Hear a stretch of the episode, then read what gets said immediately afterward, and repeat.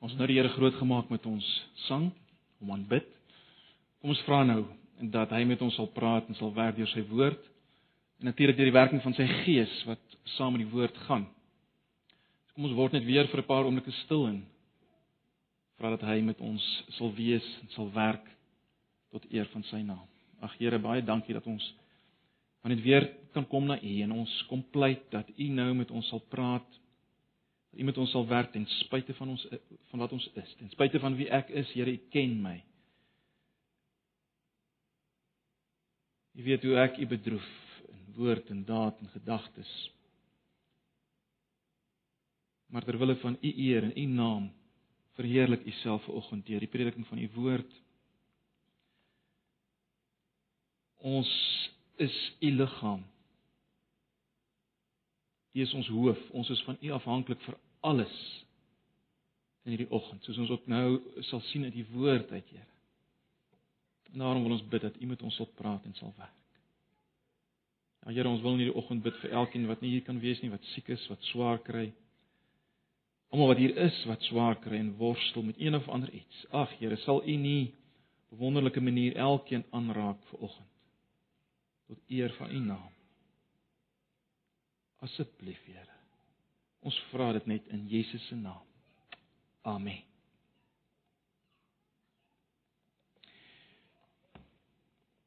Ja, broers en susters, kom ons blaai na Johannes 15 vanoggend.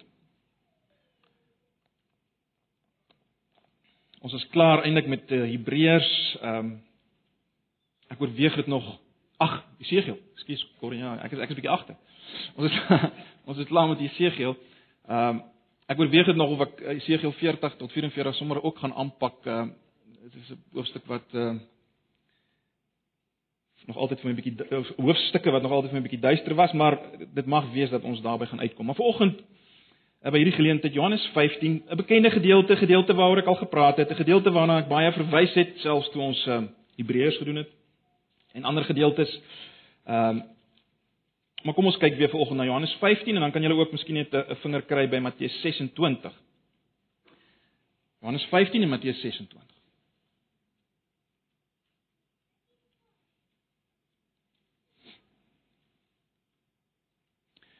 Johannes 15 vanaf vers 1. Ek lees maar die 83 vertaling eh, wat Johannes 15 betref.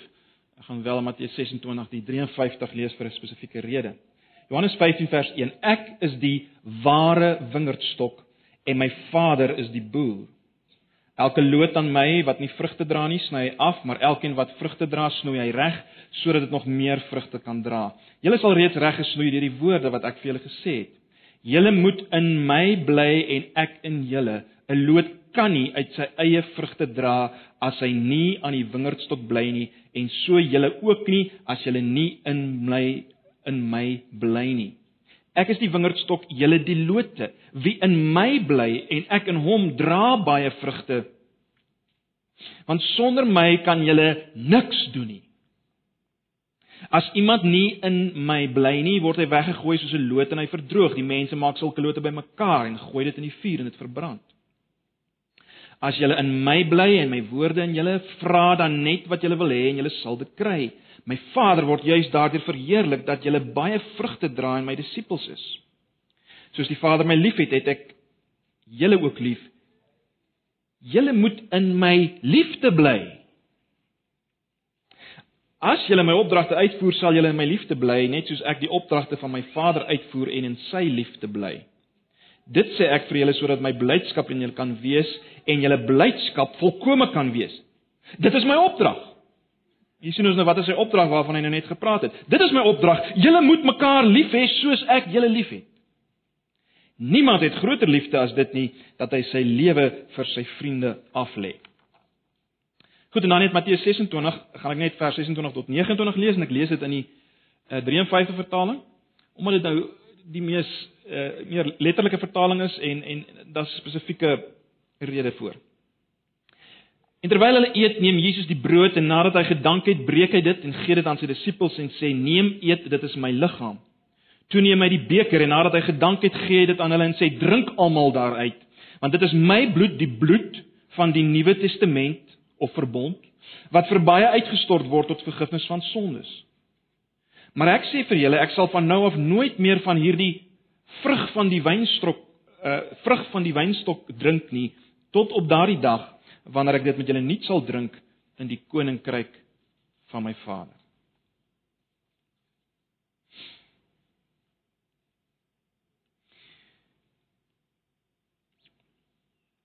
Nou broers en susters, by 'n nagmaal geleentheid soos vanoggend is ons almal, ek is seker, in 'n mate onder die bewustheid van die feit dat ons in die week wat verby is, in die weke wat verby is,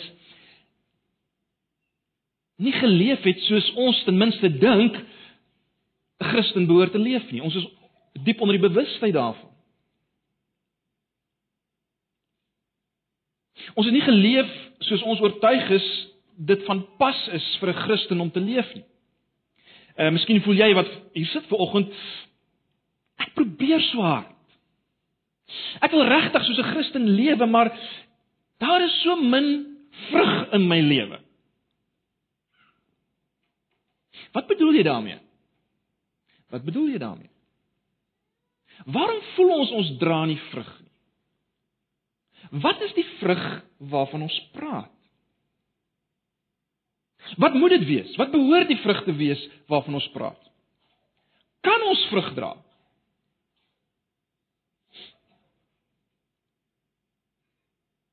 Hoe kan ons vrug dra? Is dit realisties om te verwag dat ons kan vrug dra? En dis die tipe van vraag wat ek wil hê ons moet vanoggend probeer beantwoord uh terwyl ons kyk na hierdie gedeelte. So kom ons kyk hierna. Johannes 15. Weereens bekende gedeelte. Ons het daarna gekyk eh, en verskeie kere het ek daarna verwys, maar kom ons kyk net weer na Johannes 15 en dan gaan ons uh ook uiteindelik Matteus 26 intrek. Kom ons plaas net gou-gou weer uh, hierdie verse 'n bietjie binne konteks. Uh, dis natuurlik deel van Jesus se gesprek in die bofortrek. En uh, ons weet dat vanaf hoofstuk 14 vers 31 min of meer begin Jesus bietjie sy tema verander. Uh in die eerste gedeelte van sy gesprek het hy eintlik die disippels se vraag beantwoord oor sy naderende weggaan. En Jesus maak dit baie duidelik vir sy disippels dat daar daar gaan 'n vertraging wees voordat hy sy koninkryk finaal gaan laat kom in finale gestalte. Om die waarheid te sê, hy gaan om vir hulle plek voor te berei. En dit beteken nie hy gaan 'n 'n bietjie huis skoon maak en 'n meubels rondskuif nie. Hy bedoel daarmee deur sy kruis en sy opstanding heen gaan hy doen wat nodig is om hulle daar te kry. Hy gaan om hulle plek voor te berei. En hy leer hulle ook dan wat sal gebeur as hy weggaan en en een ding wat uitstaan is dat hy vir hulle wys dit is eintlik voordelig vir hulle dat hy weggaan want As hy weggaan, dan gaan die gees van die waarheid kom, eintlik hy self wat by hulle gaan wees voordat hy finaal gaan terugkom. My vraag is natuurlik, hoe presies moet hulle lewe totdat hy weer gaan terugkom aan die einde? En die koninkryk sy finale gestalte gaan gaan inneem. Hoe moet hulle leef? Uh, Jesus het nie baie tyd nie. Hy het nie baie tyd om uh uit te brei daaroor nie. Wat is die belangrikste ding wat hulle moet onthou? Of die belangrikste dinge wat hulle moet onthou? En dit is wat ons kry in hoofstuk 15 tot 17. Na hoofstuk 15 en 17 word Jesus in hegtenis geneem, hy word gekruisig en uiteindelik staan hy op. So dis min of meer waar hierdie gedeelte inpas. So kom ons kyk nou na hoofstuk 15.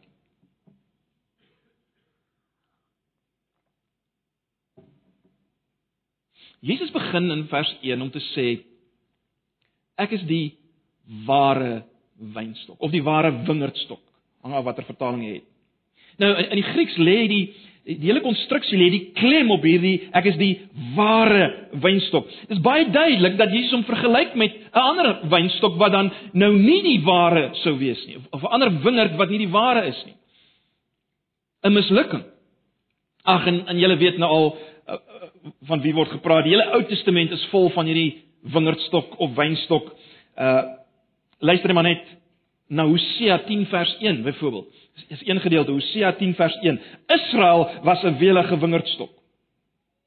Luister na Jeremia 2 vers 21.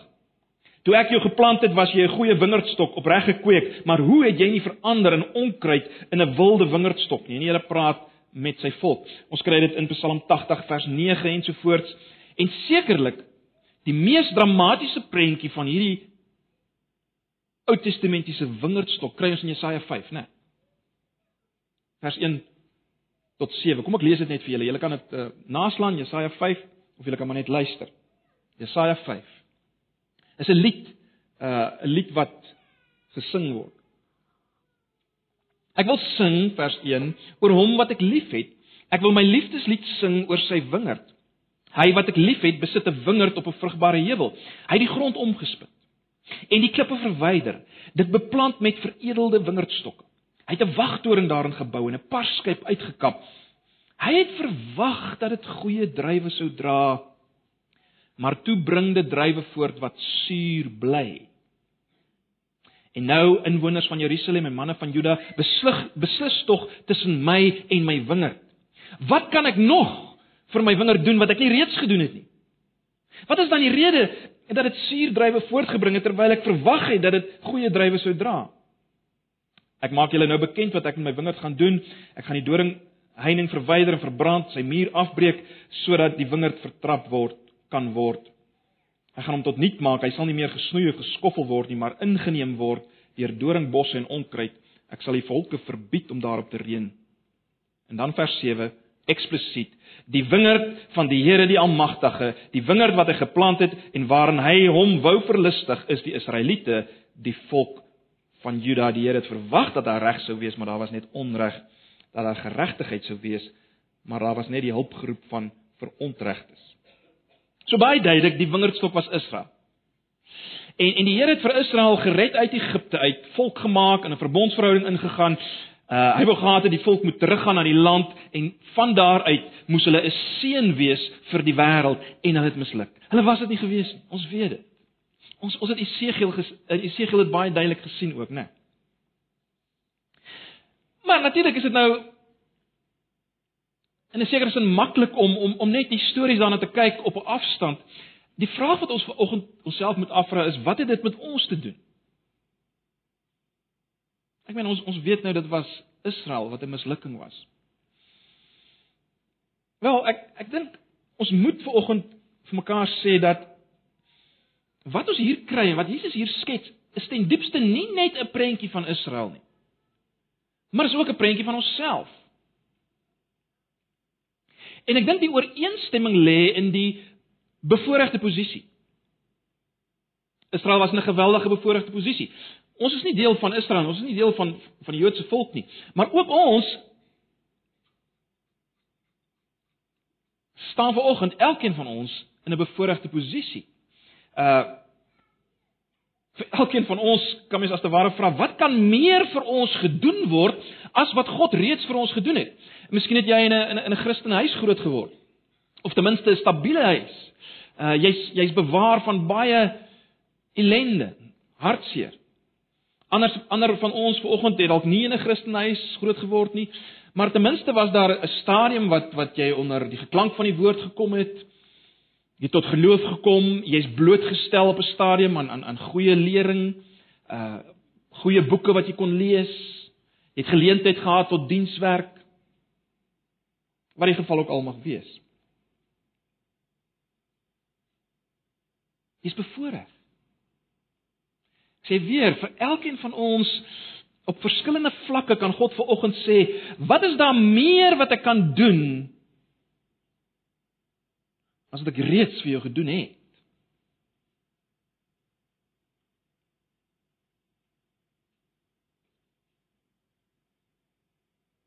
En tog En tog as die Here kyk na ons lewens, sien hy dikwels net suurdrywe. Mens dink onmiddellik aan uh, Galasiërs 5 vers 19 tot 22 wat praat van die die praktyke van die sondige natuur of die praktyke van die vlees. Nou, ons kan baie maklik oor oor sekere van daai dinge lees want uh, ons voel daarom kyk ek is daarom nie hierdie hierdie towerye en hierdie hierdie hierdie losbandigheid en onsedelikheid is nou nie regtig uh deel van my lewe nie. Maar wat van afgodsdiens? Watter dinge neem jou tyd op, jou emosies? Elke dag. Wat van haat, naaiwer, vyandskap, rusies, verdeeldheid, skeuring wat genoem word in vers 20 van Galasiërs 5. Is dit nie die tipe dinge wat die Here in ons lewens kry as hy na ons kyk in ons gesinne, in ons werksituasie en selfs binne die gemeente en die broers en susters? Is dit nie wat hy sien nie? En ek wil dit waag om te sê dis die stand van sake selfs wanneer ons onsself baie sterk voorneem dat dit anders sal wees. Dat dit nou nie die dinge sal wees wat in my lewe na vore sal kom nie. Selfs dan gebeur dit. So die vraag wat ons moet beantwoord is: Waarom is dit so? Waarom lewer Israel en ons nie vrug nie? Waarom lewer Israel en ons nie vrug nie? Kom ons dink aan Israel. Die eenvoudige rede was dit: Israel was die wingerdstok. En solank as Israel die wingerd was, kon daar geen ander tipe vrug voortgebring word nie. Hoekom nie? Want sulke vrug is kenmerkend van die gefalle mens. Dis die probleem, jy sien? Die mens wat sy middelpunt altyd in homself vind. Dit gaan alles oor eintlik oor hom. Alles word gesien in verhouding tot hom. Dit gaan oor homself. En dis die tipe vrug wat Israel uiteindelik ook gelewer het. Jy sien, kom ek stel dit so.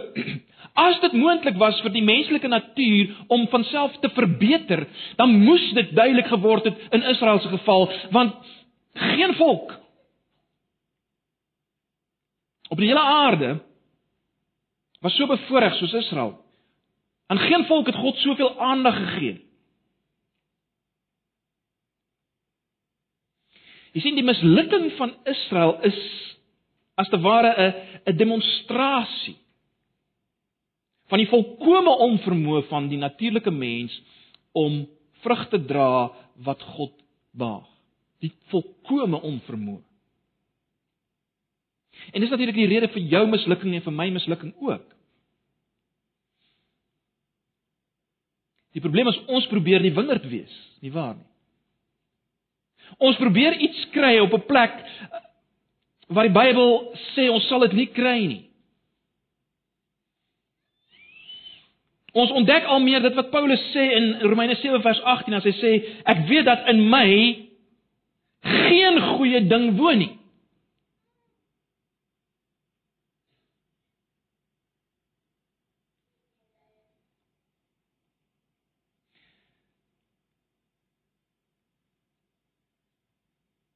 Iemand het op 'n stadium die volgende gebid ek uh, volgende gebid ek haal dit aan in Engels. Hy het gesê, "Oh God, forgive me the wrong I do by being me." Jy sien die rede hoekom ons nie kan vrug dra nie is kortweg ons. ons wat let wel sonde is, nie sonde doen nie, wat sonde is. Dis die rede hoekom ons nie kan vrug dra nie. Dis die rede hoekom ons kan probeer soos ons wil en, en dis die hele punt van Paulus in Romeine 7. Uh ons ons kan probeer om om die die wet na te kom, maar die wet veroorsaak eintlik net meer en meer sonde. Dit maak die sonde wakker in my. Want dis wat ek is in my diepste wese. So kan ek die, ek kan die wonderlike wet hê. Maar dit help niks nie want dit bring net sonde na vore. Hoe meer ek hoor wat ek nie moet doen nie en wat ek moet doen, meer kom sonde na vore. Maar goed, die punt is dit was die wingerd waarmee Jesus homself vergelyk het. Soos vergestalting vind in Israel, die mislukking. Dit is baie interessant, is dit nie, dat uh ons nou in Hosea 10 gesien het dat God Israel sy wingerdstok noem. En luister nou net na wat gesê word in Hosea 11 vers 1. Die Here sê: "Toe Israel 'n kind was, het ek hom liefgehad en uit Egipte het ek my seun geroep. Dis hoe die dis hoe die Here praat in Hosea 11 vers 1 oor Israel. Van wie hy gesê het in Hoofstuk 10 sy wingerd is. En nou weet ons in Matteus 2 vers 15 word dit op Jesus toegepas. Luister na Matteus 2 vers 14 en 15. Josef, dis nou Jesus se aardse pa.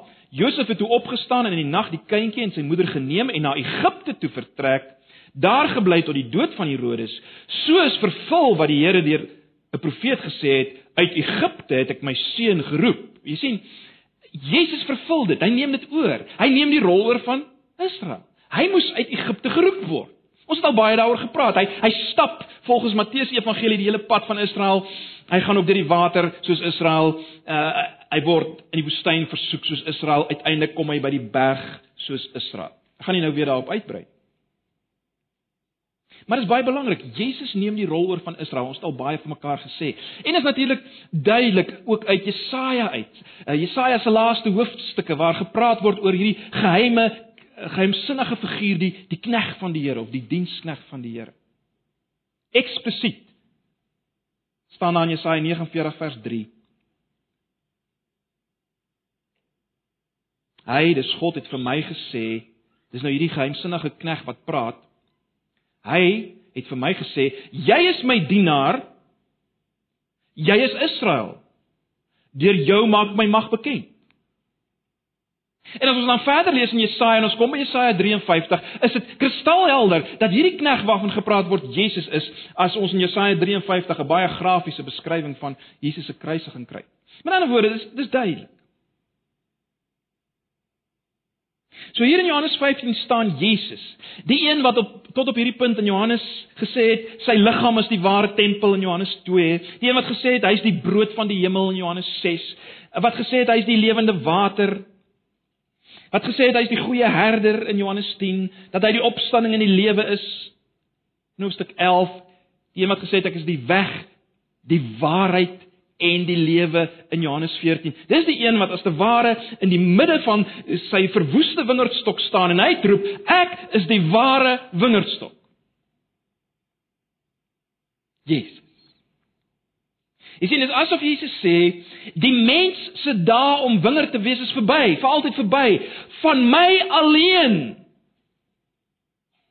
kom God se vrug. Van my alleen verwag God vrug. Baie belangrik. Met ander woorde, God verwag nie langer van Israel en ons om wingerdstokke te wees nie. Ons hoef nie eers te probeer nie. Dis die punt, is dit nie? Die verantwoordelikheid vir vrug, vrug, eh, vir vrug dra is nie meer ons se nie. God het sy eie ware wingerdstok as te ware geplant. As jy dit so kan stel. Die opgestane Jesus. Die opgestane Jesus. Wat al die vrug dra wat God verwag. Wat God verheerlik en wat seën bring vir almal. God het sy eie wingerd aangestel. Ja, miskien sal jy onmiddellik sê, "Wag, wag, wag, Jakobus, maar, maar wat nou van ons dan? Wat van ons?"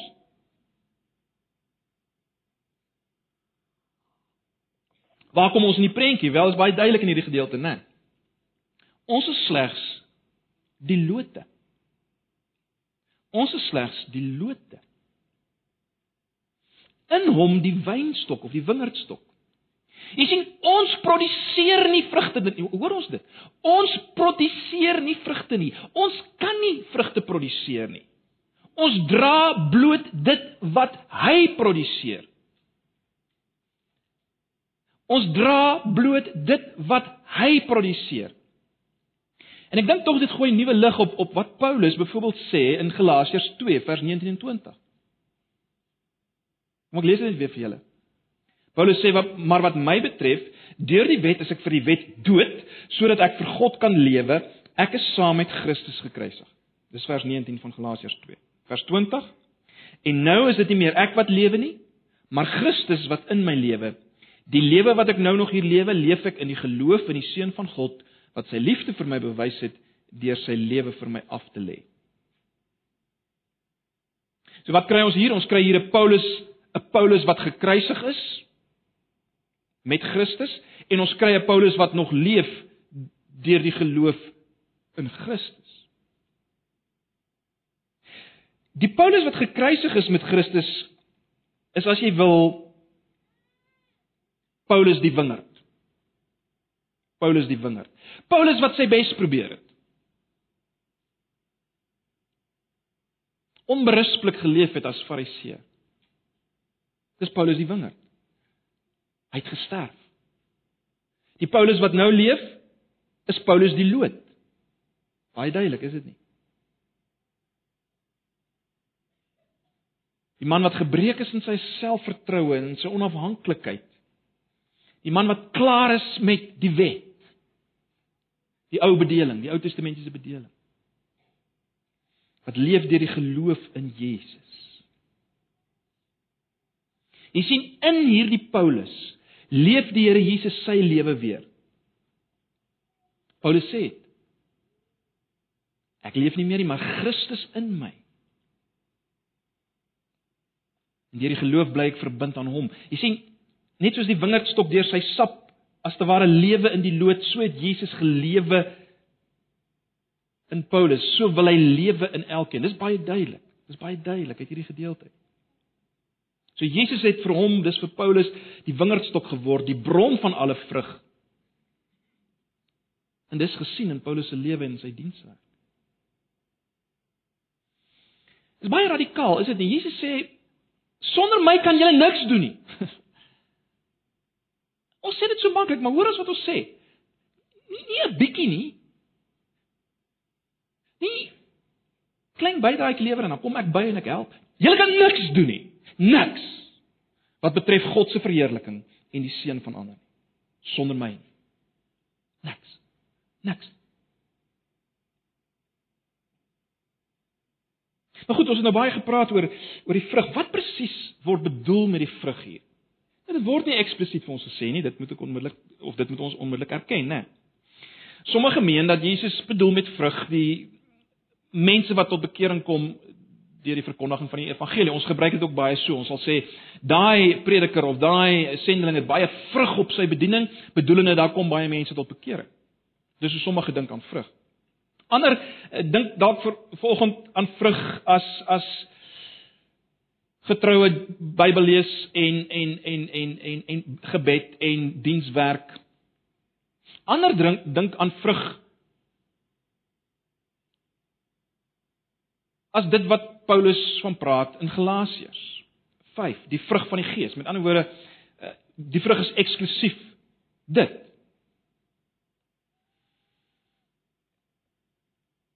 Ek wil dit waag om te sê in die lig van hierdie gedeelte dat dat die vrug is verseker liefde, die liefde wat Galasiërs 5 van praat. Dis daardie liefde en as ek dit so kan stel, alles wat as gevolg van daardie liefde gebeur. Al die seën wat kom as gevolg van hierdie liefde. En en God verheerlik. Dis die vrug. Dis die vrug. Kyk, is baie duidelik.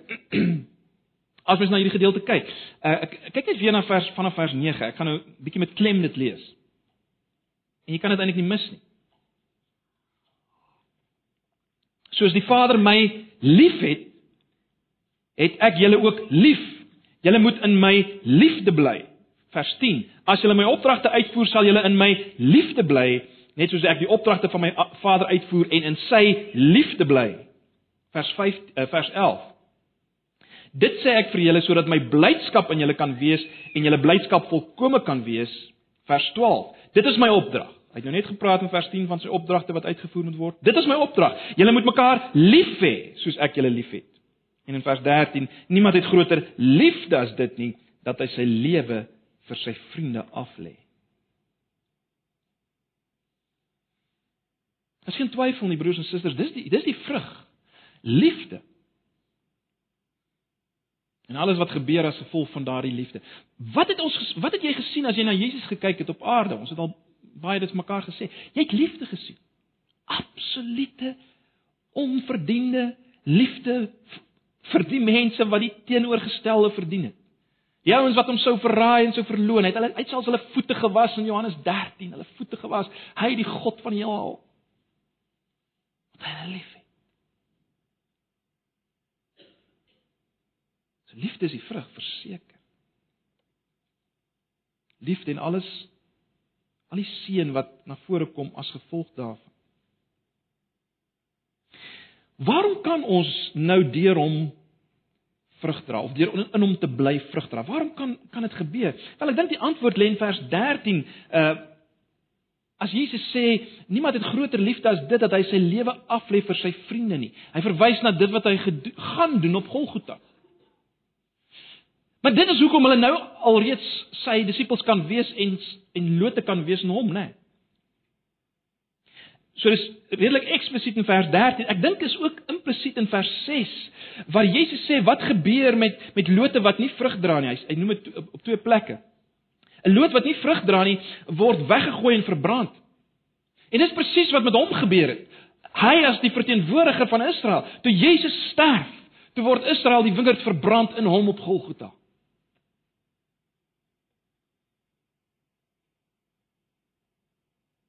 Die hele ou verbondstelsel het ondergegaan met Jesus. En nou kan die ware Jood en ware heiden vrug dra in hom. Ek het reeds gewys na Galasiërs 2 vers 20 waar dit baie eksplisiet is dat ons saam met Jesus gesterf het. Wie wie watter ons? Die ou mens wat ons is soos ons gebore is. Die mens wat selfwingerd is. Hy het gesterf saam met Jesus die dag toe Jesus gesterf het uit God se perspektief hy gesterf. Skryf dieselfde gedagte in Romeine 6, julle weet dit. Romeine 6 is baie duidelik daaroor.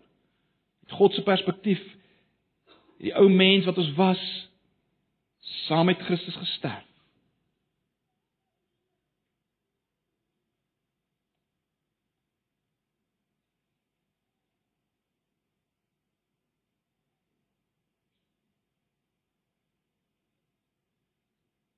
Kom ons bring alles nou 'n bietjie nader aan ons, ons praktiese daaglikse ervaring.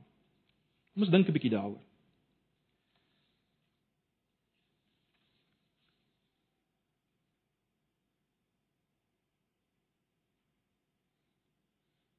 Ek wil waag om te sê dat enige een van ons kan op enige tyd onbewustelik aanneem ons is die wingerdstok as gelowiges.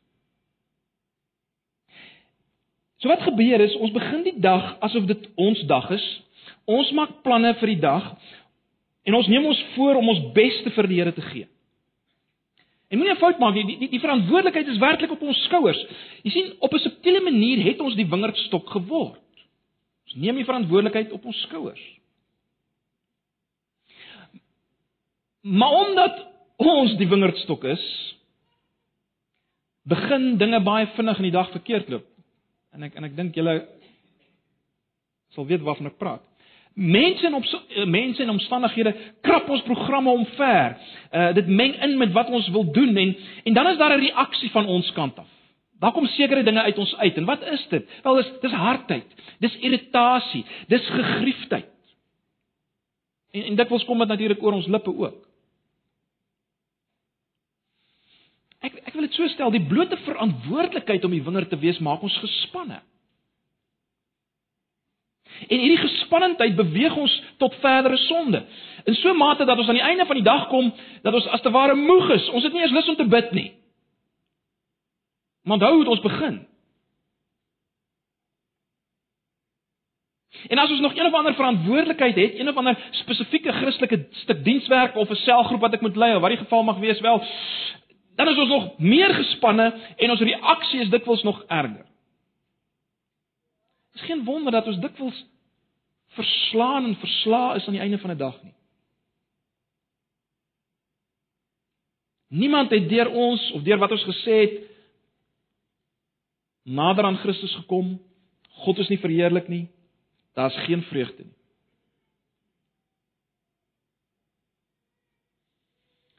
Die punt is broers en susters, As dit die geval is, moet ons bekeer. En Jesus nooi ons as te ware implisiet om hier om te bekeer. Waarvan moet ons bekeer? Ons moet bekeer van die feit dat ons self die wingerd wil wees. Ons moet dit bely met woorde. Sê dit wat jy nou wou doen en wou wees, erken dit, bely dit.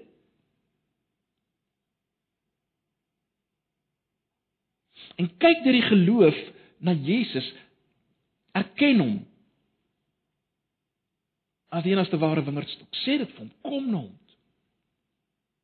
Ek ken ek kan niks doen, Here Jesus. Ek kan niks doen nie. Ek het gedink ek kan iets doen sonder U. Ek het gedink ek kan lief hê, ek kan verdraagsaam wees. En wat die geval mag wees, maar kan nie. Bely dit. Ag, en broers en susters, as ons dit doen, dan word hy die wingerdstok.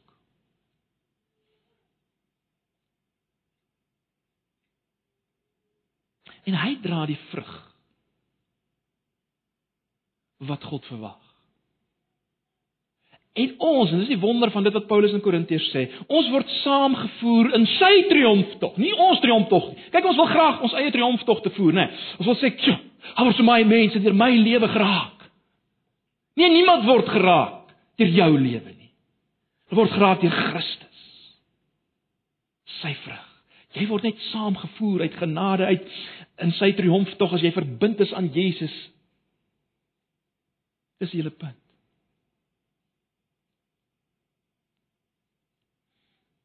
Let wel broers en susters, Jesus begin nie werk as ons iets begin doen in vertrou en glo nie. Hy werk altyd. Hy wil God verheerlik.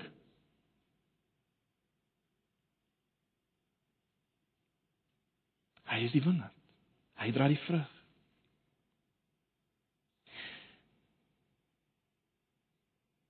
Maar hoe bly ons in hom? Ons het nou gesê wat wat gebeur as ons ons self die wingerd as te ware probeer wees? Hoe ver, word ons verbind weer aan die wingerd wel geloof, bekering? Maar maar hoe hoe sorg ek hoe sorg ek dat ek daar bly as lood in hom? Wel, dis wat duidelik is in die gedeelte, né? Of dit word dit dis die opdrag in die gedeelte laat ek dit so stel. Julle moet in my bly. Maar hoe bly ek in Jesus? Nou dit was word daar baie ingewikkelde antwoorde hierop gegee en ek is was self al baie skuldig daaraan. Maar hoe meer ek na hierdie gedeelte gekyk het, hoe meer het ek tot die indruk gekom dat Jesus dit eksplisiet sê in vers 9. Ons moet nie ander goed daar wil inlees nie. Kyk wat sê Jesus in vers 9. Soos die Vader my liefhet, het ek julle ook lief. En dan sê hy, julle moet in my liefde bly.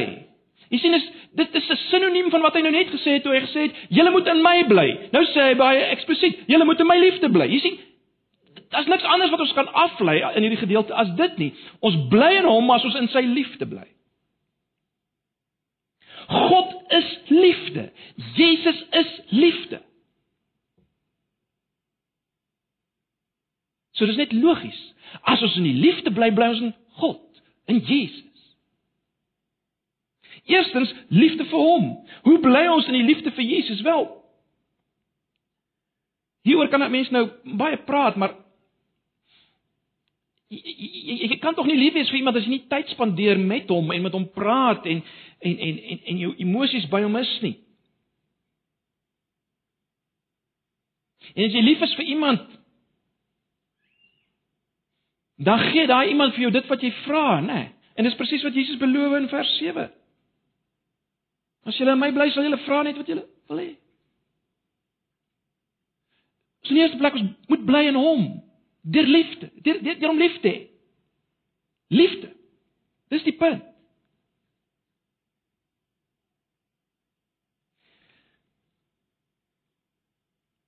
Dit is so belangrik broers en susters dat ons nie weer die klem sal verskuif oor of laat ek so stel, ons moet nie weer die klem verskuif en en die fokus laat val op op die ek moet in hom bly nie. Want dan word dit weer 'n 'n 'n werk. Ek moet net in hom bly. Die fokus is steeds hy, nie my in hom bly nie. Dis nie wat die vrug voortbring, my in hom bly nie. Dis dis dis hy wat die vrug voortbring. So so moet net nie weer die fokus verskuif nie. Ons is geneig daartoe. Maar baie belangrik, ons bly ook in sy liefde as ons liefde uitgiet aan ander. Uh, mens kan amper sê dit werk soos 'n watertank wat jy oopdraai en en die water vloei uit en soos die water uitvloei, kan nuwe water invloei. Dis die gedagte. Kom ons maak dit prakties. As iemand jou te nagekom het op een of ander manier. As iemand jou te nagekom het en jy antwoord dit met opgeblaasenheid met liggeraaktheid. Met boekhou van die kwaad. Jy skryf dit as te ware neer in jou boekie of in jou agterkop. Wel dan doen jy presies wat 1 Korintiërs 13 sê nie liefde is nie. Nee, jy bly nie in die liefde nie. Jy bly nie in Jesus nie en daarom sal daar geen vrug wees nie.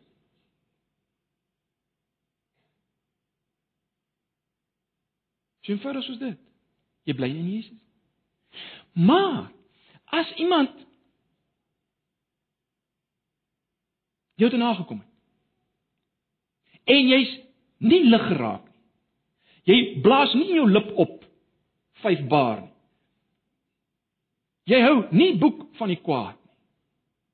Wat gebeur? Jy bly in die liefde. Jy bly in Jesus. En o, oh, daar gebeur wonderlike goed. Dis die punt broers en susters. Dis die punt.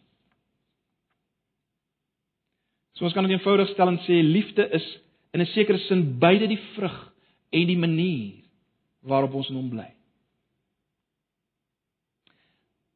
Maar kom ons dink nou aan die nagmaal. Wat het dit alles met die nagmaal te doen?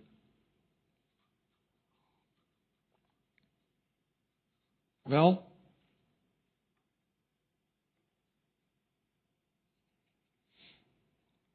dat die vrug liefde is en dat ons in Jesus moet bly en hy in ons soos Johannes 15 dit stel word alles onderstreep en bevestig deur deur dit wat Jesus sê by die by die nagmaal is dit nie? Jesus maak dit duidelik in Matteus 26 dat die wyn is die teken van die bloed van die nuwe verbond. Sy bloed wat gevloei het as gevolg van sy liefde vir ons en sy liefde vir die Vader.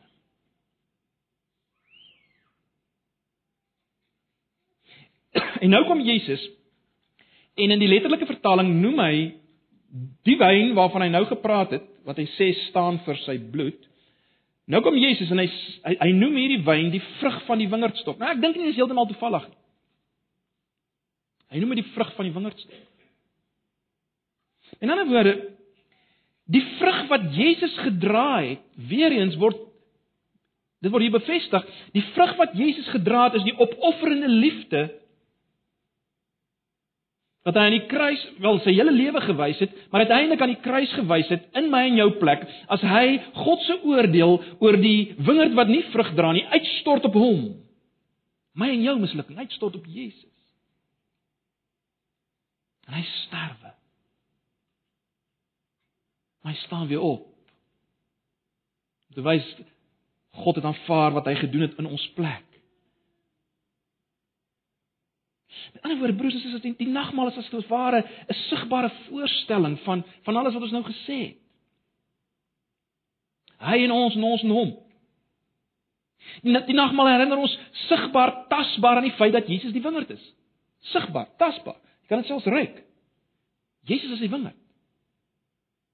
En dit herinner ons sigbaar en tasbaar hoekom ons lote kan wees en hoe ons lote kan wees.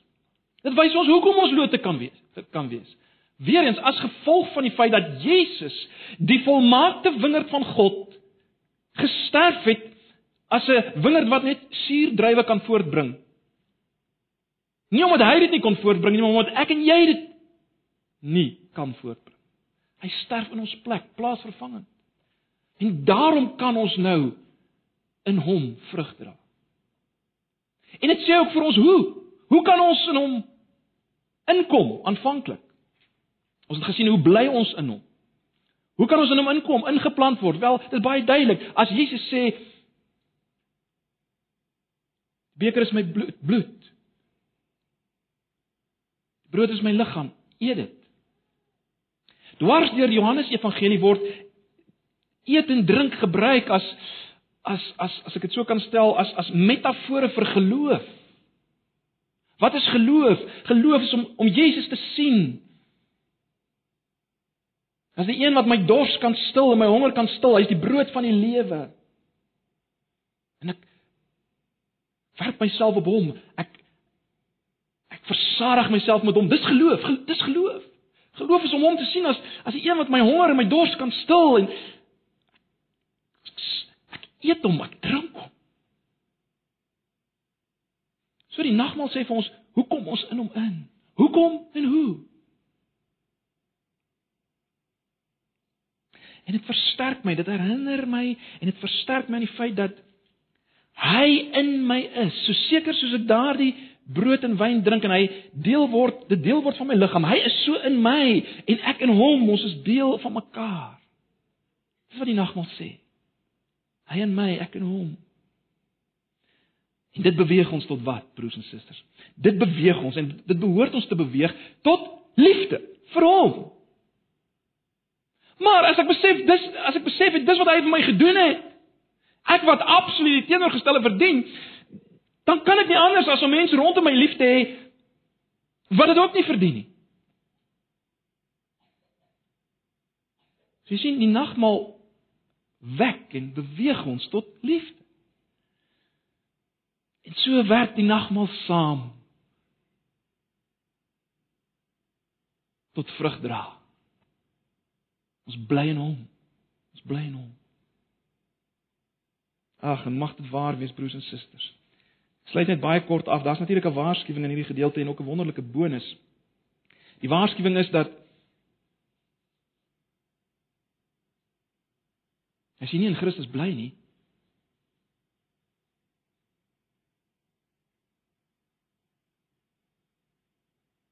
word jy verbrand. Dit's niks nut vir so lood nie. Nou ons moenie nou hier in 'n debat ingaan oor kan 'n ware Christen dan nou verlore gaan of nie. Dis nie die punt hier nie. Die punt is die hele doel van van lood wees is vrug dra. Die hele doel wees van Christen wees is om in Christus te wees. So so al wat hierdie gedeelte doen is om jou maar net weer eens te motiveer om in hom te bly. En jou nie te misgis. Soos die Jode hulle misgis het dat hulle alreeds in die wingerd is. So kom ons neem dit ernstig op. Moenie dink jy is die wingerd bloot omdat jy ver oggend hier sit nie. Of uh, uh, uh, uh, dink jy is in die wingerd bloot omdat jy hier sit. Dis die gevaar. Dis die gevaar. Maar ek wil vir oggend te veel klem daarop lê nie. Ek ek wil hê ons moet ook net die bonus sien in vers 11 as Jesus sê Ek sê hierdie goed vir julle sodat julle blydskap volkome kan wees. Moet dit nie mis nie. Hulle blydskap sal volkome wees. En ons weet dis wat ons juis dikwels nie het nie, is nie blydskap nie want ons probeer te hard om self die winger te wees. Maar hier is die belofte, blydskap. En uiteindelik, waar gaan alles vers 8 tot die eer van die landbouer, die boer, God self. Hy word geëer en verheerlik.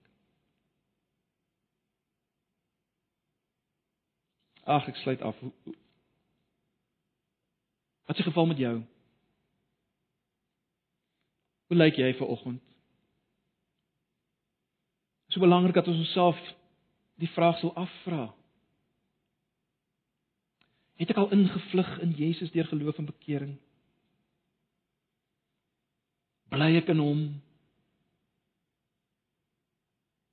Vra jouself, vra jouself af waarom? Waarom is dan nie die die vrug in jou lewe. Jy moet eerlik met jouself wees. Ek moet eerlik met myself wees. So dis belangrik. Dit is belangrik dat ons hierna sal kyk ook as 'n gemeente. Broers en susters, ons ons moenie mis dat die om in Jesus te bly is ook om 'n deel te wees van die gemeente nie, want die gemeente is sy liggaam. Jy kan nie op jou eie Jy kan nie baie vrug dra nie. Jesus praat met sy disippels as as die embrio van die kerk wat gaan kom en en en nou word sy kerk sigbaar in plaaslike gemeentes wat sy liggaam is. En ons weet uit Efesiërs 4 ons ons skuur mekaar en pas in by mekaar en bou mekaar op en so word ons saam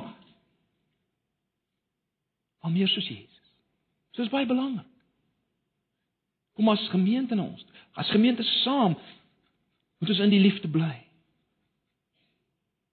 Vrug dra baie belangrik. Ag, so broers en susters, kom ons al wat ons kan doen vir oggend is om net weer na die Here toe te kom en en en te bekeer daar waar ons self wingerd wil wees. Kom ons draai na hom toe, kom ons erken dit. Kom ons bly in hom. Deur te bly in die liefde. Ek gaan 'n paar oomblikke vir stil gebed gee en en dan dan wil ek hê ons moet die nagmaal gebruik. Want as ons sukkel, as ons sukkel om hierdie goed te vat, want dit is nie so maklik om dit te vat nie, né? Maar as ons sukkel vanoggend, die Here Jesus het geweet ons gaan sukkel en hy gee vir ons hierdie tekens. Ons gebruik dit om ons geloof te versterk. Om ons om om die hele boodskap wat ons vanoggend gehoor het te versterk. Gee 'n paar oomblikke van stil gebed en dan gaan ek vra dat die diakens vir ons net die tafel regmaak. Kom ons bid saam.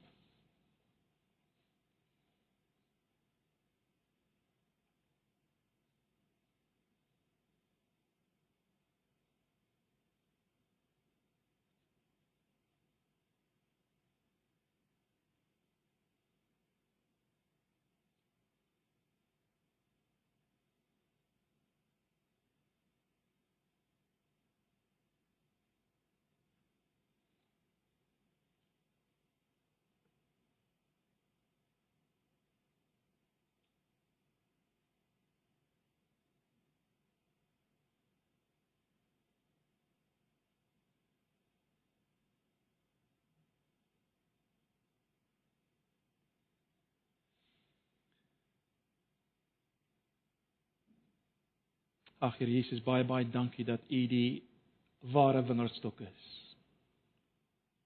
Baie baie dankie dat ons nie die wingerdstokke hoef te wees nie. Want Here, ek wil maar net volgens kom saam met my broers en susters kom erken en bely en beamoen dat sonder U kan ons niks doen nie en hoe langer ons op die pad is, hoe meer akuut word hierdie besef in ons binneste ons kan niks doen sonder U nie.